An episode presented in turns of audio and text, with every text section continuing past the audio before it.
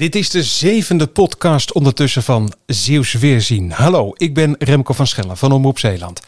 Zolang de herinneringskrant Zeeuws Weerzien door de coronacrisis niet op papier verschijnt, is er elke week een foto op internet om over te praten. Ans van Nieuwenhuizen kiest de foto van deze week. Dag Hans. Goedemorgen Remco. Schrijf jij graag stukjes? Ja, ik ben voorlichter geweest, schreef ik ook veel. En uh, nu zet ik dat min of meer voort als een uh, hobby, als vrijwilliger. Ik uh, ben geïnteresseerd in mensen en wat ze doen. En op zo'n manier kun je ook een heleboel te weten komen. Hè? Ja, zeker weten. Je bent een nieuwsgierig mens. Weet je wel, ja. dat is een goede eigenschap. Ja. Ga naar jouw zwart-wit foto.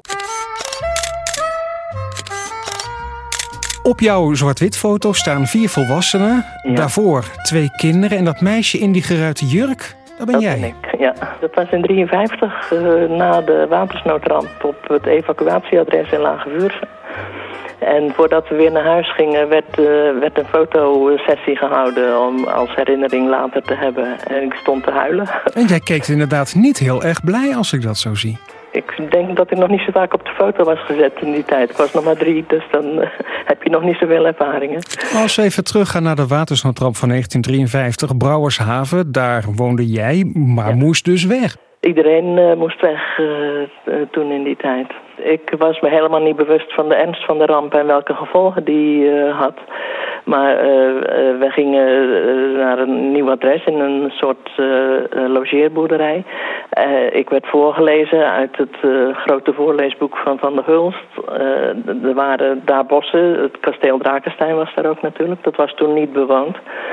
Het leven ging gewoon door, alleen op een andere plek voor mij. Was dat een prettige tijd voor jou daar in Lage Vuursche? Ja, vind ik wel. Er is ook iets waar je toch even over moet vertellen. Je ontdekte dat ruilen kan leiden tot huilen. Ja, we mochten een keer naar Baren en daar mochten we een cadeautje uitzoeken. Ik had een pop uitgekozen en even later kwam ik mijn broer tegen. En die had een telefoon uitgekozen die, als je op een knopje drukte, dan belde die. En die wilde ik ook hebben. Uh, dus ik ga zoeken en een grote dozen was dat. En uh, net zo'n telefoon was er niet, maar wel een blikken exemplaar. Zaten een heleboel krassen op. Maar ben ik op, terug op zoek naar mijn pop gegaan. Maar die was inmiddels bij een ander kind terechtgekomen, denk ik. Dus ik moest dat telefoontje halen. En dat zit je nog steeds dwars zo te horen? Ja. nou, niet echt, maar leer je wel dat je soms tevreden moet zijn met wat je hebt en niet met wat je zou willen hebben.